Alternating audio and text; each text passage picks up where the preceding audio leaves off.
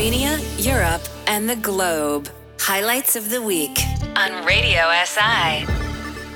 Hello and welcome to our latest edition of Highlights of the Week. In the next few minutes, we will bring you the stories that made headlines this week. I'm Ksenia Samar-Jamatul. Thank you for joining me. Let's start in New Zealand. New Zealand marked the 10th anniversary of the Christchurch earthquake on Monday that killed 185 people.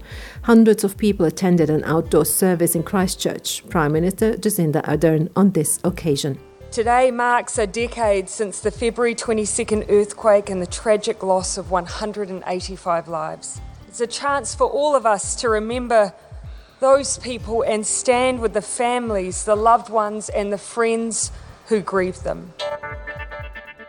The mayor of Houston has called for the state of Texas to pay the huge electricity bills racked up by residents due to the freezing weather. Some residents reported bills of up to 16,000 US dollars for just a few days of usage as temperatures hit 30 year lows of minus 18 degrees Celsius last week.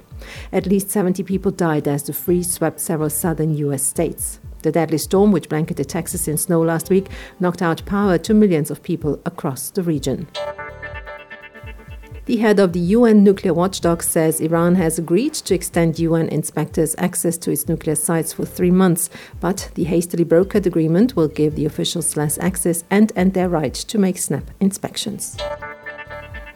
Slovenia will get a new airline, and reports say it will be called Southeast Airlines. A web aviation portal says the airline will initially provide mainly charter flights and will mainly focus on EU markets.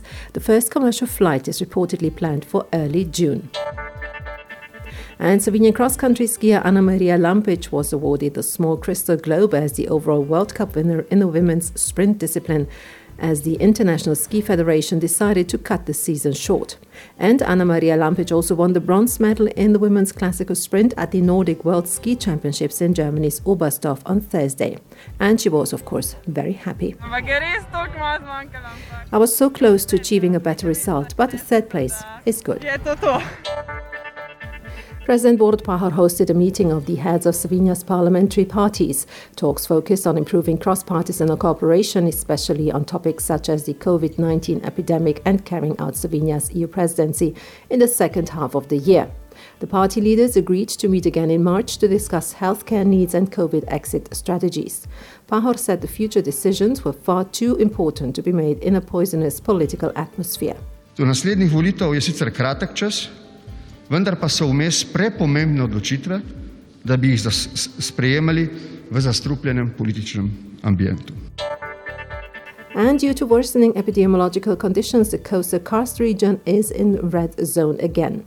As a result, some non essential shops and services are closed again as of Saturday. And taxi drivers, as well as driving instructors and candidates in driving schools, will no longer have to be tested for the new coronavirus every 72 hours. They will now have to be tested once per week.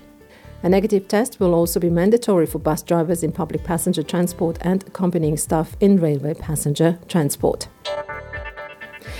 And Ema Klinec won the ski jumping event at the Nordic World Ski Championships in Oberstdorf, becoming the first Slovenian female ski jumping world champion.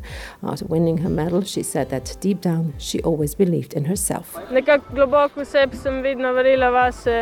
The other Slovenian finalists were also successful with the best Slovenian female jumper this winter, Nika Križnar finishing fifth, Jerneja Brecel ninth, and Urška Bogataj thirteenth. And we are staying in Oberstdorf. Slovenia's women's ski jumping team, consisting of Nika Križnar, Špela Rogelj, Urška Bogataj, and Ema Klinec, won silver also at the Nordic World Ski Championships, missing gold by just 1.4 points. Norway finished in third place. Slovenia, Europe, and the globe. Highlights of the week on Radio SI.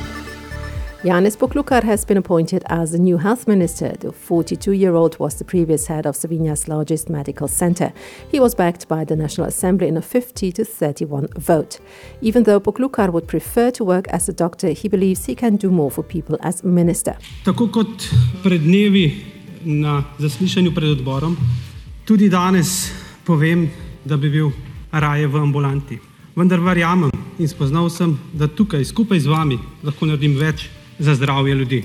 He said his priorities are dealing with the coronavirus epidemic and improving access to health services.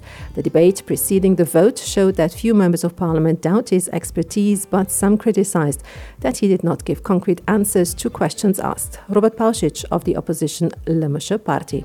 Ognil se je vsebini, tako kot se je vsebini ognil njegov predlagatelj. Slovenia's previous health minister, Tomaž Gantar, resigned in December, and ever since then, the ministry has been headed by Prime Minister Janez Janša himself. And that is all for today. Join us again next week, same time, same place, for another edition of Highlights of the Week. Have a great week. The most important news from Slovenia, Europe, and around the globe. Highlights of the Week. Saturdays at 225 on Radio SI.